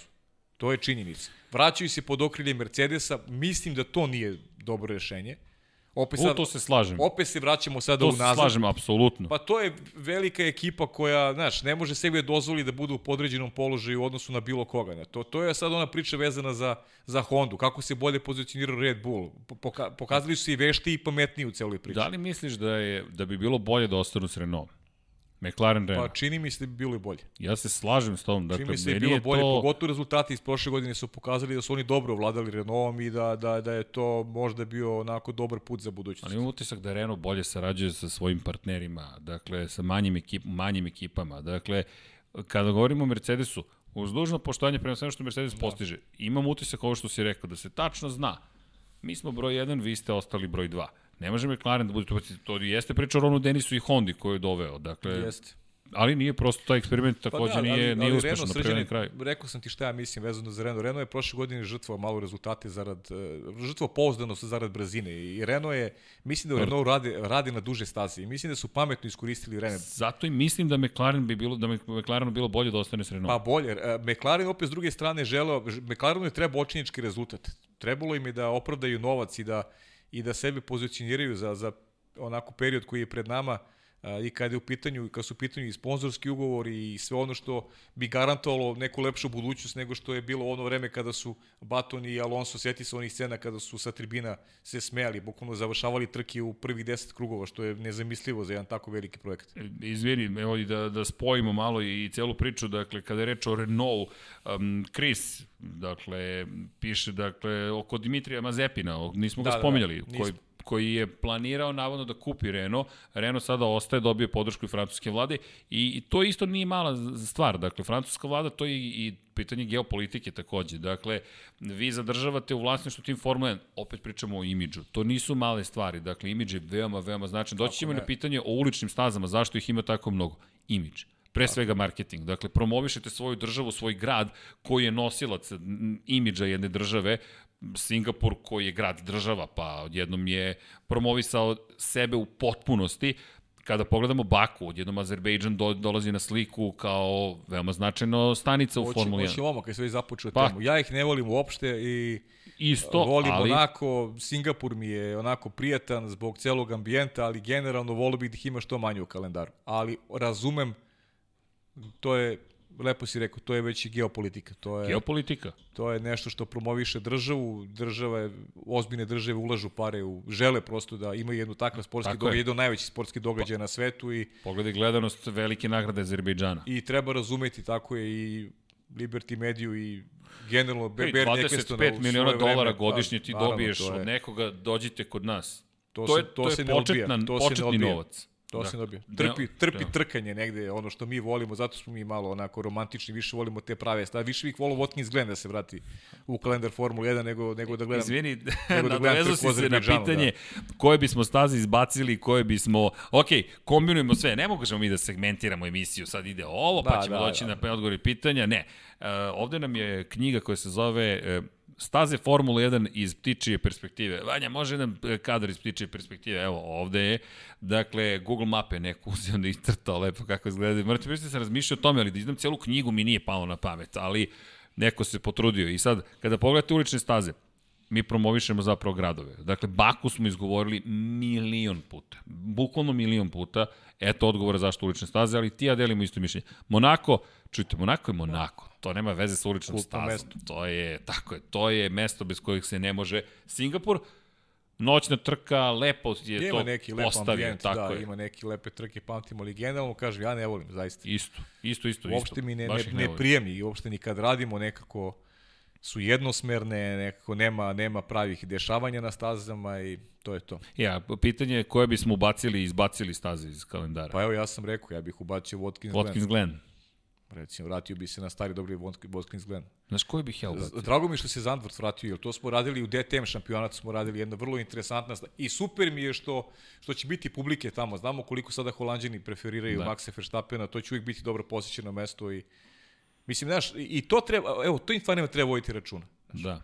Sad recimo, znaš, ono, pojavi se neki Miloš Pavlović u Može. Srbiji koji je, koji je fenomenalan vozač, koji, znaš, koji ima rezultat, koji možda napravi nešto, pa naravno da bi onda država trebala da reaguje i da se potrudi da obezbedi navijačima da gledaju trku znaš, u, u, u svom okruženju. Velika nagrada Beograda. Ili nebitno, bilo, bilo ko iz okruženja. Znaš, Čekaj, preko mosta. Pa da, pa ne znam. To je nekako bi logično da, da, Ima da, da formula stremi. Crtali su momci stazu. Znaš šta, šta je meni bio? Pro, pro, prosto tu živimo, dakle... I Ali mislim na trkačku stazu, ne bih volao. Ne, Sami se preko da mosta pa u tunel. Čekaj u tunel, lepo. Nemoj da se vraćamo na te gradske staze, rekli smo da ih ne volimo. Ulične, u stvari. Dobro, asfalt je kvalitetan, tako da bi bez problema izdržao. A, dobro, sad, daj, sad uzmemo drugu temu. Možda šaht neki odleti, ali to se događa najboljim na svetu. To bi prekidala bi se trka svaka dva minuta. Ako ima šaht. Ako ima šaht. Deto, viš tako se reši, nemaš šahtovi i sve u redu, da, da, voziš bezbedno trku pa, Formula 1. Da. Šahtovi su problem. tako je, tako. Mi preventivno to poskidamo. U svakom slučaju, Dakle, ah da, dakle, mišljenju Casey Stoneru i u to okviru toga misli, šta mislim Casey? Ma car, e, da svedemo na jednu jedinu reč, da čovjek je car. Dakle, koliko je titula mogao da osvoji? Pa najmanje četiri, mislim da bi osvojio još dve i, i čovjek je Žao mi je samo što prosto je bio toliko introvertan, ne, nije žao što je introvertan, to je, to je deo od njegove kao, kao ličnosti, ali bih voleo da ostaje još neko vreme u Moto Grand Prix i da, da nam pokaže šta još može. Magičan je bio na motociklu. Mi danas je samo što ne vozi Moto Grand Prix. Jeste, stvarno poseban vozač. Tip. Poseban baš. Da, da, da. Meni iz kategorije onih posle Rosije koje sam, koje sam poštao, recimo, koje sam volao da gledam. Da, nije znam. Baš mi skoro neko rekao, ne znam, e, Srđan Radović, da on je volao Casey Stoner. Da, to je, to je zanimljivo, nisam da, znao. On, da, da, on je volao Casey Stonera. On Super. je recimo gledao, gledao stalno MotoGP zbog Casey Stoner. Eto. Ok, da znaš. pozdrav za Srđana. Tako je, Očekujemo da. ga ovde, bit će to isto zanimljivo. Um, dakle, kada pričamo o, eto, malo smo skrenuli na, te, na, na ulične staze, ali kada pričamo, ajmo da se vratimo, pogledaj koliko nam je tema Fetel, Mercedes interesantno. Dakle, izaše kalendar Formula 1. Dobili smo osam trka, štiklirano, štiklirano, štiklirano, štiklirano, štiklirano, štiklirano, ali Fetel je Fetel. Dakle, opet pričamo o, pa, pričamo, o takvom šampionu. Da, pa pričamo o šampionu, pričamo o ljudima, znaš, ono, Staze su tu pa čekaju na šampiona. Šta pričamo sad o, o osam staza, super, o, o šest staza u stvari. O, o šest staza, da, da, da i ono što je tu zanimljivo je... Ono što je meni super, što, što postoji ta šansa da, da se kalendar i proširi, znači to, to nam treba, da bude što više trka. Ajde da spojimo sa pričom o velikoj nagradi Japana. Dakle, u Moto Grand Prix otkazane, nećemo posjetiti Motegi. Otkazano je Ostrovo Filip. Dakle, kada govorimo o, o turneji po Aziji, mi imamo četiri trke. Do skoro smo imali tri trke. Dakle, odemo u Maleziju, to je sad zavisi od redosleda. Odemo u Japan, odemo u Australiju, odemo u Maleziju i na taj način završavamo negde sezonu. Od prošle godine, od pretprošle zapravo, imamo i Tajland. To su četiri trke. Od te četiri, dve su već otkazane. Ne pomerene, odložene, otkazane. Moje mišljenje je da ćemo ostati i bez Malezije i Tajlanda. Da je to samo pitanje trenutka kada će saopštiti da jednostavno vode računa o prvenstvu i o imidžu prvenstva, a i organizatorima, da ne kažu sada sve je to otkazano, i da će se sve svesti na Evropu. Jer kada pogledamo ovih osam trka, sve je na evropskom tlu. Šta ti misliš? Hoćemo uopšte imati trku van starog kontinenta? Pa moramo da čekamo. Ali ko, šta ne, ti, kako ne verujem, ti vidiš to? Ne verujem da ćemo znati pre tamo avgusta, meseca, septembra. Ja mislim da se da, da oni teži dalje, ali, ali vidim isto koji ti. Da je Evropa ključna, da se, da se trke održe. Ne znam kako ćemo, mislim, kako bi se prevozili do, na drugi pa, kontinent. Logistika je Zaista je zahtevna. teška, a pritom ljudi ne zaboravite, COVID-19 i dalje tu. Tu je. Mi, kao ništa, da je sve prošlo, ništa nema, ništa se ne događa. Nije ništa prošlo. Nije prošlo. Ne, Evo, da nije nažalost, prošlo, u Indiji nego. ponovo imamo Pa čitamo malo, da. Su, ima, nije samo Indija, ima mnogim zemljama postoji skok. Indiju sam izdvojio kao, da, kao zemlju koja ima preko milijardu da, da. stanovnika. I ozbiljnu gustinu naseljenosti. Biće teško, ali ko zna srđene, treba sađati. Mislim da su strpljivi samo u jednoj, jednoj i drugoj organizaciji. Čekamo e, malo. slažem se. Nis, nismo ih, nisam ih ja pohvalio. Liberty Media zaslužuje pohvalu za ove poteze. kritikovali smo ih onda Australija, stvarno su bili amateri, paceri. Baš su bili loši. Baš ali su. sada, milijardu 300 su miliona dolara ubacili u sport. Sada. Ne znam, kažem ti, i kako god da se odigra sezona, super je. Ono što smo rekli s početka podcasta. Da. Neko, neko se trudi da sporta bude. I to je zaista lepo. Neko je rekao... Niko ne odmaže, niko ne odmaže e, u ideji da se, da se nešto održi. A to je, to je bitno. Da ljudi su ujedinjeni. Organizacija je ujedinjena. Ljudi su ujedinjeni. Hoće da se takmiče. I to je super. Da te pitam, izvini. E, kaže nap, da te je neophodna, za ovu sezonu da je neophodna napomena da pored broja ove sezone treba da stoji napomena da je ovo ipak drugačija sezona nego što su ostale. Da li misliš da treba da stoji napomenu u okviru kalendara da se kogod da postane šampion da ovo nije bila uobičajena sezona ili ne je to da nevažno? Treba. Ne mislim da to treba da stoji. O, isto razmišljamo. Ne mislim da treba to stoji. Pa prvo svet je prolazio kroz mnoge krize koje sad da ne posjećamo, da ne idemo sad u istorijski detalje, ali prolazili smo kroz mnoge krize. Ne treba to uzimati kao reper sport je sport, ljudi će se tako Ovo su okolnosti u kojima si se, najbolji. Tako je, pa. Takvo je prvenstvo kakvo je, ali isto delim s tobom mišljenje, da tvoje mišljenje delim, ljudi, svi imaju podjednake uslove. Sređine, ko, koja je razlika između tvog i mog rada od pre šest meseci i sada? Čemu se sastoji ta razlika? Ili imamo više, ili imamo više opravdanja ako uradimo nešto loše zbog toga što je Ne, ne, ne razumem. Ne, moramo da budemo spremni, Isto, moramo da dođemo na posao. Treba budeš odgovoran da radiš svoj posao, da se Tako ponašaš, je. se ponašaš zrelo, da da vodiš računa o sebi, da ne znam, poštuješ e, da, ne znam, obrijan si, da, pa oprosi kosu, pa, da, osnovne neke, stvari, pa, da, dakle, neke stvari koje, koje, radiš, koje radiš inače, ništa se nije... Ne sedeo sam kod kuće pogledu... duže, pa mogu da se ponašam pa, opuštenije. Ne, kao, da, varno, mislim, nešto je vanredno, kao, pa sad mogu da radim šta hoću, kao, ili, ili da ne radim ništa. Mislim, rekao sam s početka, ali dobro, to sam ostavio za neki, pa, evo, za neki, za, neko, za neki moj stvaralački ovaj, doprinos našem portalu, jer imam neki, nekih tema koje zaista na, na, na tom nekom svetskom nivou, a i na ovom lokalnom, kad je sport u pitanju, mnoge stvari mi nisu jasne kako, to ljudi, sebi, htio, kako da. ljudi sebi daju za pravo da nešto može, a nešto ne može, mislim, ne, nije mi jasno uopšte, ali to je onako na, nek ide na, na dušu onima koji navodno ovaj, Evo, se pitaju. Čitam, e, apropo, apropo tvog kreativnog doprinosa, Da. Mm, sad ću da dam kreativni doprinos našem, našoj dragoj emisiji. Ili hoćeš, a? A, znam. Vidi, ovo je moment, e, ispunjavamo želje i e, čestitke. Pa dobro, ne, ne. Misliš da je taj trenutak? trenutak Palo mi na pamet, je... pazi, kreativni doprinos. Ok, ok. Vanja, smo spremni za ovo. Poštojem, poštojem i treba da se ispoštuju. Ima ovde ovaj... publike koje se smeje onome što sledi, ali čekaj, ko je to tražio? Neko je, samo ovo moram Molim da Molim te da odgovorimo na sva pitanja. to moramo da uradimo i da ispoštujemo sve želje.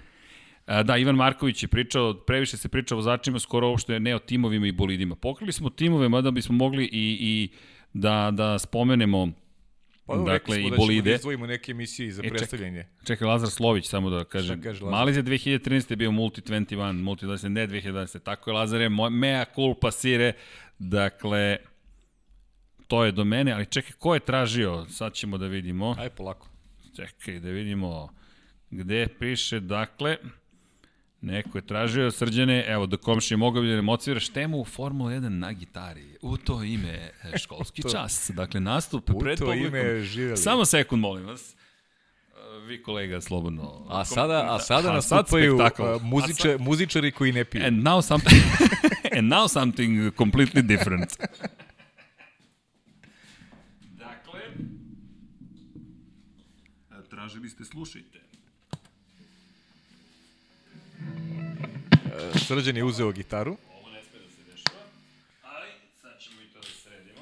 ali neće, neće da ide na mesec, nije, nije raketa uz njega, ne brinite. Nadam se da se čujemo, da ne. Da smo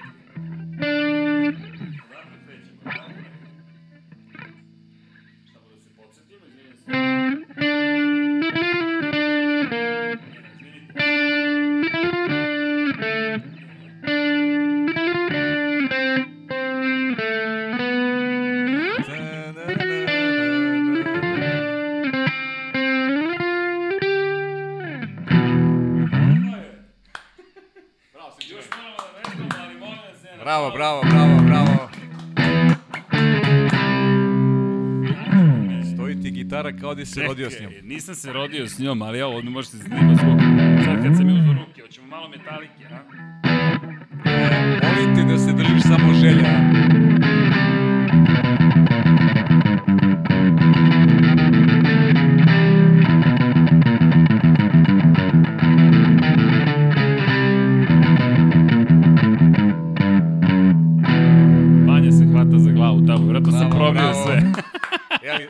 Da će ga ponese gitara. Otišao, od otišao mene. je, da, znao sam. Hoćemo ovo. Čekaj da se setim.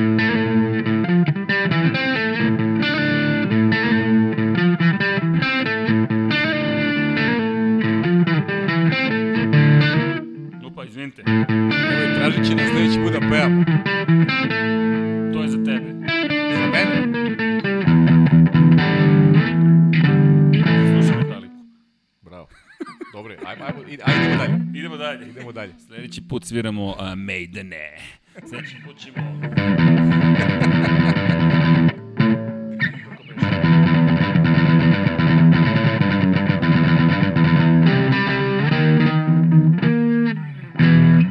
Mora malo se vežba. I ispunio si zadatak svaka Evo, čast. vi naručujte, mi ćemo da sviramo. dakle, E, ovo je stvarno bilo sjajno. E, iskoristi dok nije tu, stvarno, moram ga pokrenuti. Ljudi, obavezno pogledajte šta je radio ovaj čovjek s moje leve strane, kako je iskomentarisao, nešto mi kako pokazuju. je iskomentarisao lansiranje rakete. Hvala.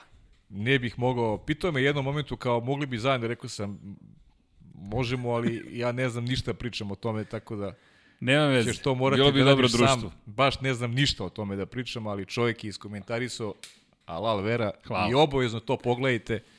Nešto ne svakidašnje, ja to nisam gledao nikad, moram da priznam. Rekviziti su tu. Da, nije mi palo na pamet da to neko uopšte može da radi, ali ovaj čovjek ovde, on pomera granice, radi svašta i Hvala. ispoštujte njegov rad, vredi pogledati, stvarno. SpaceX je tu. Ali hvala, stvarno, to je dečački san. Znaš šta? Super, Setio stvarno je bilo, stvarno je bilo super. I prve zaista. trke NASCAR-a, i prve trke Formula 1, i prvog Da, prenosa rekao si to u MotoGP-a. prenosu, znam, čuo sam, da. Da, da, ali, ali sećam se tog momenta, znaš, ulaziš šest, ali mislim da nikad nisam bio toliko uzbuđen. Sve sam pozaboravljao, nemam predstavu pravo da ti kažem šta sam sve znao u tom trenutku, samo sam pozaboravljao i bio toliko srećen, ali Pa znaš Stvarno- šta, ovo je, ovo je nešto što, što si hteo, ovo ti niko ti nije rekao, ajde ovo radi, ovo si ti organizovao, mislim, prvo ljudi, čovjek je zvao nasu da to traži Jesam. dozvolu, mislim, to je... Ko- Šta hoćeš ti, hoću da komentarišem. pa da, sve sam pitao kulturno, objasnili mi, pročitaj ovo, radi ovo, radi ovako. zaista. Da, da. A to je kapu, prelepo je bilo s vama, prelepo hvala. je bilo. I bez lažne skromnosti, stvarno mislim da smo ceo tim da je uradio nešto istorijski. Ne, ne, svaka čast celom timu, zaista fenomenalno. Ali pa nisam, evo. nisam verovao da to može tako dobro da izgleda, hvala. ali super. Mora da vas pohvalim javno sve zajedno. Hvala.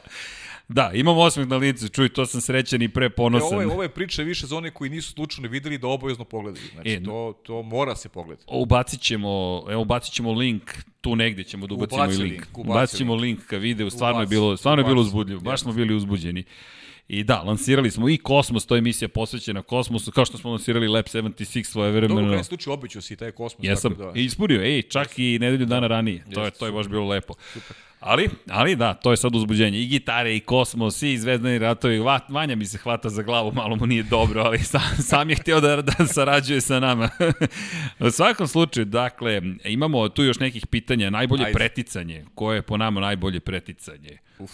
Znaš koje bih ja izdvojio? Koje? Jenson Button. Oh. Jenson Button u... Protiv Fetela u Kanadi 2011. Da, da, da. O, to je vrlo zanimljivo Volim tu trku, volim tu trku. Da, jeste, to je posebna trka, Baš emotivna. Volim. Pa da, a što je dugo trajalo nego što je završnica bila fenomenalna. To je, jeste. to je iz moje prizme najbolja sezona Jensona Buttona. I to je svako najbolja trka. Jako tad nije osvojio titulu. Nekom je, barem onako meni je stavio do znanja da on stvarno je Znaš, ono, ona sezona u Baru je bila specifična, imali su Jeste. jednu prednost objektivnu koju niko nije mogao da prati. Oni u stvari tu... Po... Na Bron misliš? Mislim na Bron, na, na, Bron, da, na, Bron, na, Bron, mislim. Tu je on jednostavno bio bolji od Barikela. On je tu pobedio Barikela. Realno. A, a, Bron, a Bron je pobedio konkurenciju. Ali ova sezona mi je, ta sezona 2011. mi je pokazala da je Batu nekako zaista zaslužuje da s njegov ime nađe među šampionima. I ta bilo trka je, bilo je priča za sebe. Ne, bilo je još, ali ovo je baš priča za sebe i eto, pamtim recimo to, ja izdvajam to preticanje recimo. Da, i poslednja pobjeda McLaren, ne zaboravimo, jeste Batonova pobjeda u Brazilu 2012. Da, da, da. Neverovatno, da. pre 8 godina. Jeste. Apropo, ajmo da spomenemo i bolidi timove. Dakle, pričali smo o timovima. Da biste uspeli, da, i to ono što si ti savršeno rekao, a koji vozač može McLaren trenutno da dovede na vrh? Ni jedan. Moraju inženjeri pre svega. I to je ono što i pričaš kao o, o, o pojačavanju Renault. Ne pričamo primarno vozačima, već tome da bolid mora da bude savršeno pripremljen. I iz te perspektive Moto Grand Prix je u prednosti. U prednosti je što su fabrike mnogo izjednačenije nego što su timovi i što je Dorna uspela da natera fabrike da svojim privatnim timovima da podjednako na oružanje, oruđe zapravo i da kaže ok, i vi imate šansu da se borite za pobede. Da, fabrika će uvijek biti fabrika, prva će dobiti delove, samo da se razumemo, te delove ne kupujete u prodavnici. Ovaj deo, evo, ovo je deo od Williamsa.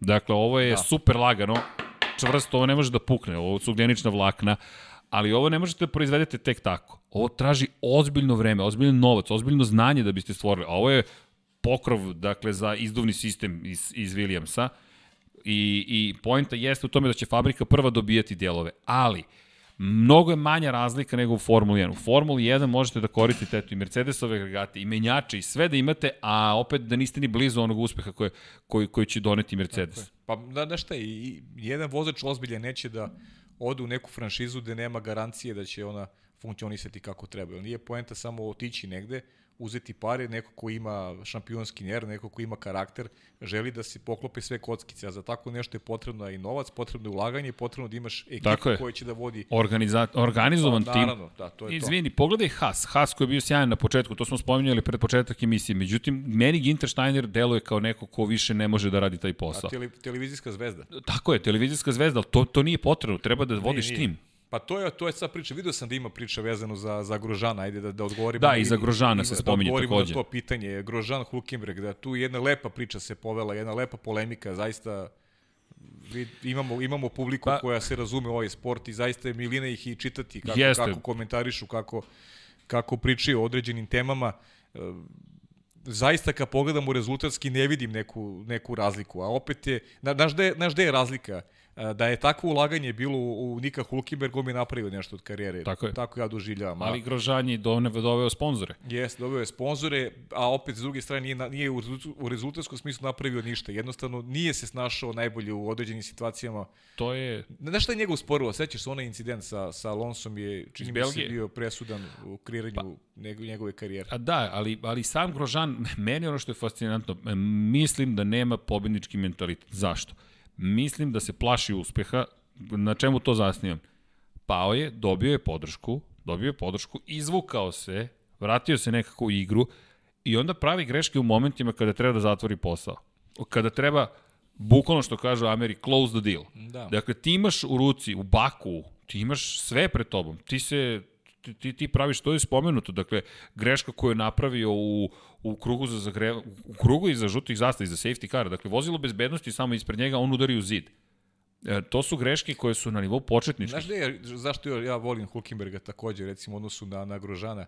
Hulka nikad nismo čuli da nešto kuka, da je, da je tokom trke, da mu smeta ovo, smeta ono. Uvek je pokušavao iz nekih datih okolnosti da izvuče ono što je najbolje. Znaš, nekako je, neko pa- je, kako bih rekao, vozač koji je bio svestan onoga, onoga gde se nalazi. Znaš, i kroz Žana stalno čuješ neke pridike, uvek je neko drugi kriv, a svedoci smo da je napravio i mnogo grešaka za neko ko je imao lepu karijeru. E, ne zaboravi da je, gde smo, gde smo uočili Romana Grožana, ti ja ti dueli koje je vodio sa pokojnim Žilom Bjankijem u, u, u Grand Prix 2 Grand Prix seriji. 2 seriji. I pritom je tada pokazao jednu dozu stabilnosti, za razliku od Bjanke koji u to vreme e, rekao bih da je Bjanki bio talentovani, mnogo talentovani od Grožana. Samo što Bjanki nije bio fokusiran u tom periodu toliko na sport kao što mnogo je... usponi padova ima. Tako je, kao što je bio Grožan. Međutim, e, eto, nažalost, ali, nikad nećemo saznati koji su krajnji dometi bila Žila Bjanki, ali, ali čini mi se da, je, da je Žil Bjanki, recimo, zaista bio projekat za, za, za nešto veliko. Da, za šampionsku preteča Šarla Leclerc. Bukvalno. A, a Roman Grožan, Roman Grožan nije. Roman Grožan se negde pogubio, nije odradio posao kako treba. Zato mislim da, da, da to, da je, neću reći gubitnički, svakako nije gubitnik, čovjek je osvojio titul u Grand Prix 2 seriji, ali mislim da je u tim momentima prosto izgubio tu vrstu pobedničkog mentaliteta i kao da ne može da, da dođe do toga da pobeđe. Ali i ovo što Alan Schmidt piše, da su zaista finese u pitanju, ono što je pota Formule 1 jeste ta srednja klasa. Dakle, tu je toliko uzbudljivo. Da, da, kako timova, tako i vozači. Ne, tako je. I, i organizaciji, i bolidi, i vozači. Tu odlučuju zaista hiljaditi delovi sekunde. Tu možeš da vidi, tu vozač već zaista donosi razliku. Da, kako ne. I to je ono što se lepo vidi. I, i iz te perspektive da, ali, ali evo pogledaj Hulkenberga i, i šta se desilo Hulku. Mislim da je Hulk predugo ostao u Formuli 1 na tom jednom istom nivou. Prošle godine u Nemačkoj imaš priliku da budeš na pobedničkom postoju, ti praviš grešku. Znaš, to je kao da si Jeste, ali, nisi taj. ali ajde kaži mi još jednu grešku je napravio tog tipa. A ja ću ti kažem Grožanovih pet. Če, dobro, ne poredi se ga Grožanom, da budemo jasni. Dakle, ne može da se poredi. Hulk da. je ovde, Grožan je ovde. Što se tiče u, u svetu Formule 1, svi su oni, to stalno govorimo da. u stratosferi, ali iz te perspektive meni je Hulk mnogo, mnogo bolji vozač. I meni isto. Mislim, Nema ta diskusije. I opet, znaš, tu se nismo složili, mislim da smo komentarisali u prenosu da se iz percepcije Renaulta ništa nije promenilo da je čak Hulk došao i na podijum tada u Nemačkoj. Mislim da, da, da, da on već imao, da je bilo već zacrtano. Ali jeste bio da, kraj da neće praktično. Ostati, da neće ostati u ekipi. Meni je žao zbog njega što je otišao bez podijuma, ali ne bi se promenilo kad je pitao njegova karijera. I da spojimo dve stvari. Dakle, Ivan je Marković pitao baš oko bolide. I slažem se, njegova konstatacija da Fetelu nije legao Ferrari. Ne, nije. Fetel obožava stabilan zadnji kraj. Njemu je potrebno da je zadnji kraj zalepljen. To je bilo i u Red Bullu. Ali opet, Schumacher, pričamo o Schumacheru, je dolazi u timove koji su imali potpuno drugačije bolide. Da, prilagođavao ih i sebi, ali je i sebe prilagođavao bolidu. Da, to prosto moraš, to ti je kao to ti je posao. Promeniš posao, pa kao, pa, znaš, to ti je posao. Se, naviko si na jednom poslu ovako, pa dobro, što se onda menjao posao? Lorenzo, bio je na Yamahi, neće moći na Ducatiju, neće moći na Ducatiju, odjednom na Ducatiju ne zaustavlji. Povrede su ga zaustavili, su ga zapravo jedine zaustavile da. i loš trebalo mu je, da, trebalo mu je vreme, što je logično, Tako. treba ti vreme da Ali, da se prilagodiš. Vettel je imao Imao je mnogo vremena. Imao je vremena. Dakle, iz te perspektive, mislim da Vettel nije uradio dovoljno dobar posao, ali to ne umanjuje dalje njegovu brzinu i ono što ne, su njegove sposobnosti. I opet nikako ne, ne rehabilituje Ferrari kao tim koji nije mu dao baš adekvatnu podršku određenim trucima, to smo govorili tokom prethodnog podcasta. Da. Znači, ima tu krivice i s jedne i s druge strane, nije samo To Fettelov. vidi, Ferrari ima možda i više krivice, da. dakle, ako, ako, ako ćemo da delimo. A, Nikola, Nikola ima fenomenalan, fenomenalan koncept, dakle, šta je njegov, njegovo razmišljanje? A šta ukoliko Vettel potpiše za Mercedes, a osvoji titulu za Ferrari 2020. I onda u 2021. godini se bori da dođe do šeste titule i izjednači sa Lewisom Hamiltonom. Kakva teorija? Čekaj, a? Čekaj, ja, ovo, je, se, ovo, je, pazi, ovo je za ovaj sto, za ta teorija zaslužuje da se ovde iznese. U tekućoj sezoni ja glasam za Fetel u odnosu na Leclerc. Mislim da će Fetel biti ozbiljniji rival Mercedesu nego što to biti Charles Leclerc. To je opet samo moj, moj stav, moje razmišljenje. Pričali smo, da, to, to, to. Teoretski to što navodi Nikola bi zaista moglo da se dogodi, znaš. Zamisli, da se dogodi. zamisli. I onda imamo 11 titula Tako u je. toj ekipi. Jedan ima šest, jedan ima pet i ovi bi mogao do šeste i onda penzija. 2021. A sad adio. Ali ukoliko bi Vettel postao šampion ove godine, mislim da bi Lewis Hamilton energičnije zastupao stav da Vettel ne dođe u da ne dođe u Mercedes. A, sigurno bi lakše podneo njegovu pojavu da on osvoji titul ove godine, a da Vettel onda dođe kada je razlika 7-4. Ne, ali zamisli taj Mercedes. E, vidi, Pavle, kao Petronas što, što, što kaže ne, ne bismo mi Rosije samo zato što je Rossi. Da, da, ne bih ni ja Rosije samo zato što je Rossi. Dakle, u e, Živković Erceg Grand Prix ekipi, ne, mi smo ozbiljno posveđeni. E, imamo, Ljudi, imamo stav, da nećemo, se ne, nećemo najveće. Nećemo na jednog od najvećeg svih. Da. Ne, ne, uopšte ne želim da nosim moje boje. Ljudi, naravno da morate da pričate da se posvećate budućnosti, ali žrtvujte dve godine ukoliko treba. Dovedite Valentina Rosija, to je istorija, to je sad i više nikad. Yes. To je sad i više nikad. E, znam, isto je za Mercedes. Hamilton Vettel. Dakle, to je sad i više, nikad nije postojala takva ekipa. To je super, super tim. Viš kako smo, krenuli smo s njima i... I završavamo sa njima. Ne, Pola, ne, ne završavamo, ne, čuj, moramo dobro, da završavamo, ali ne zato okej. što želimo, ali Ali da, apropo bolida, dakle samo još jednom da konstatujemo, moramo da ubacimo i taj tehnički deo, ne zamerite, opet smo se bavili ljudima, ali dotaći ćemo se toga, ali ćemo da imati, ja se nadam, i govornik, sagovornike, dakle, koji će nam se pridružiti za tehnički da, deo planiramo priče. nešto, da. vidjet ćemo. Da, ima, ima puno ljudi se javilo i nadamo se da ćemo, da ćemo izvesti što, što, sve što smo hteli, ali, Pavle, ja ne znam da li sam nešto propustio. E, da, imamo zahtev od Browns Bosne, da ima više podcasta nedeljno. Ej, to se vidi, Dakle. da, da, da, to, to sad. ok, ne smemo to da obećamo, pa, pazi, ali, kada, ali kada se namesti situacija, biće. Ako se Specijali. desi, recimo desi nešto epohalno, naravno nećemo propustiti priliku da to iskomentariš odmah pošto se desi. Kao što naravno, je to, lansiranje rakete. kao što je lansiranje rakete, da. dakle, Lansirat ćemo još nešto, nije, ćemo. nije problem. Da. Da, inače, za one koji pitaju, spuštaju se za 30 do 60 dana, toliko traje emisija i Infinity Lighthouse će prenositi Splashdown, tako Da, je. Normalno. Pa, kako? Eno, Vanja se Spreman već, jesi. pa naravno, vidi. E, Vanja da, nije dobro. ali smo smislili novu emisiju, dakle, Kosmos 2 će se baviti baš celom pričom o o konkretno Crew Dragon kapsuli, modulu i kako izgleda taj modul, ali pokušat ću da ostavim to za, za Kosmos. Pa, ajde, bilo bi dobro. da, inače, ali dobro, dobro, tu moramo da se zaustavimo. U svakom slučaju, kada govorimo o još nekim temama, Moto Grand Prix virtualna velika nagrada, samo da konstatujem da je meni bilo neverovatno impresivno gledati Jorge Lorenza koji pokazuje, e to je ono što bih voleo više u virtualnom, zašto mi je virtualna velika, na, velike nagrade Moto Grand Prix su prijele? Videti Rosija, videti Markeza, videti braću zajedno, kako se fokusiraju. Ali Lorenzo, pa jo, došao je čovek kao Lorenzo.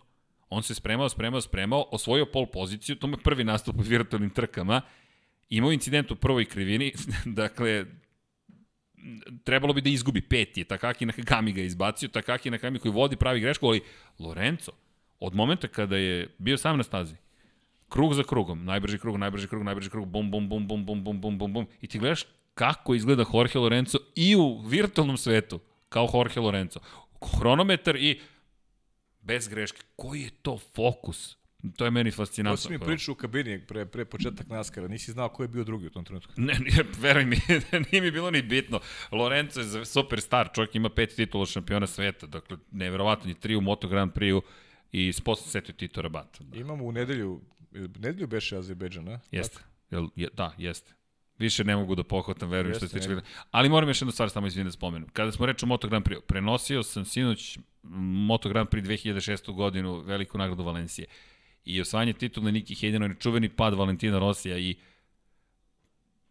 ne mogu ti, ne, to- ne znam kako bih opisao osim, bez obzira što smo izgubili Nikija, čista radost da vidiš čoveka koji slavi osvajanje tituli na način na koji je deli, kad to je suština sporta, to je što pričaš, kako možete da kažete nećemo da se takmičimo zato što je sezona drugačija? da. Meni to, to, to, to, to nema nikakvog smisla sa sportom. Gde je nema- sport nestao u toj priči? Nema ni sečni veze.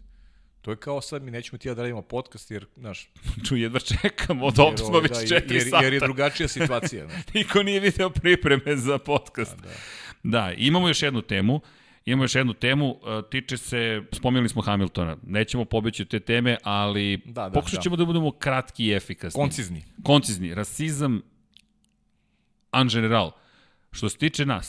pričam zajedničko ime i Infinity Lighthouse studija, svaki čovek dobre volje koje bod, god je pola, boje kože je dobrodošao u Infinity Lighthouse. Svako ko nije, bez obzira na boju kože i pol, nije dobrodošao. I to je naš stav. Ili si čovjek ili nisi Tako to. je. Dakle, to boja kože da definiše nekoga ili nešto je, makar da ja mogu da kažem za sve nas koji smo ovde Pa potpuno dobro, da, neprihvatljivo. pričao si, pričao si u ime svih, a nema potrebe da otvaramo Nema, temu. niti možemo da govorimo o konkretno društvu Sjedinjenih američkih država, nismo Jest. deo tog društva, Nismo, nismo. dotičemo se na nekom globalnom nivou, nismo u manjini, dakle, ne možemo da pričamo iz te perspektive. Kako ja mogu da znam kako je Lewis Hamilton prolazio kroz svoju karijeru? To samo Lewis Hamilton može da zna. Ali, da li ćemo pružiti podršku, dakle, dobroti i pozitivnim stvarima? Apsolutno kako? Pa primjerom. Ne podržavamo nešto Primjerom. što je abnormalno, nešto što ne treba da bude deo ovog sveta. Tako je. To je to. Evo ga. Black Panther je tu, dakle, Black u Panther, to ime, da. evo, jedan Deadpool i Black Panther, Black jesu Panther. sokovi, ali nema veze, pa evo, sa čovekom se zdravi, ne Tako zdravi se. Voćni tako da, sokovi. Pa, pa jesu. Tako da, mada meni zabranjen šećer, ali nema veze. Preživećeš. U to ime, dakle, rasizam ne podnosimo i tu ćemo završiti s tom temom. Ovde su svi dobri ljudi dobrodošli, a pazi, u, čekaj, ja zaboravio sam ovo. o, vidi, Pavle. A sad Ferrari. A sad Ferrari. čekaj, hoćeš Renault? pa može. Ili može McLaren? Ili šta, Šta je ovo, Alfa Tauri? Ljudi, kako ste pripremili ovaj studio? Ja kad dođem ovde ne mi se uopšte. Pa, pazi, ne moramo, samo, samo još moramo da završimo emisiju i lagano Ajde. da krenemo Ajde, nešto. Da... Idemo na ručak. Pa ajde, vidjet ćemo. Nije to zgoreg. Da, nije zgore da pojedemo nešto, da. U svakom slučaju, imamo samo, a uh, čekaj, imamo još jedno pitanje, izvini. Sena ili prost? Izvini Vanja, izvini Vanja, Vanja se spremio da zatvori emisiju. Sena ili prost? Sena ili prost i da li mislimo da je pogibi Ayrtona Sena ga učinilo još većom legendom? Mislim, kod tebe znam odgovor, Da, Sena. ne mislim da ga je učinio većim legendom. A, Sena, da, je odgovor. Ko zna šta bi postigao da Tako nije je. nestao? Da, ko zna šta je postigao zaista. I to je teško, je, mislim, Nemoguće je pitanje. pričati i ne želim da pričamo o tome. Znam da sam počeo da gledam zbog Sene formuli i za mene će uvijek Sene biti najveći, svih vremena. A prost mi je asocijacija na veliko rivalstvo. Rekao sam jedno, ja sam kao klinac, dok sam gledao, ja sam, se, ja sam prosta mrzeo, nisam mogu očima da ga vidim, jer je to bio najveći rival Ayrtona Sene. Sada kada sam, jel te, zreli, kada stvari ne gledam na taj način, shvatam koliko je e, e, uloga, Sene nema bez Prosta. uloga Alana Prosta bila velika e, u I tom nekom odrastanju i, i, i, i veličini Ayrtona Sene. To je zaista bilo rivalstvo, možda i najveće rivalstvo u istoriji Formule 1. Ko je nosio kovčeg Ayrtona Sena? Tako je. I Alan to je, Prost. I to je veličina Alana Prosta. Tako je. To je veličina. Profesor, ja, bio je političan, da, povlačio je poteze, možda i koštao celu jednu titulu Ayrtona Sene, sigurno je koštao, Pa, dobro, ali naravno. to je sve deo istorije. Tako je. Pa i Sena, i Sena, Sena baš nije bio, nije bio u vinku, se lake kaže, ruke. Da, tako je, tako je, da. dakle, u Japanu naredne godine. Jeste. Ali tu je, a mi smo smislili inače da će ovde u budući da stoji brazilska zastava, zašto? Pa zato što je zabavno. Ali i kanadsku ćemo da stavimo, ne znam zašto mi je pala kanadska na Pa, pamet. sve ali jedno, da. Stavit ćemo sve zastave, eto to je još jedna stvar koju ćemo se, koje nećemo se baviti, nego ćemo i to da učinimo. U svakom slučaju, vreme da vas pozdravimo, nešto nam se rejde danas, ali, ali, ali morat ćemo da idemo. Veliki pozdrav ime cijele ekipe Lab 76, dakle ovo je bilo deseto izdanje, bit će ih 110.000 i nadam se da se Pavle vidimo sledeće se još nekim zanimljivim temama. Viđamo se sigurno sa interesantnim temama. Ćao svima. Ćao. Thank you.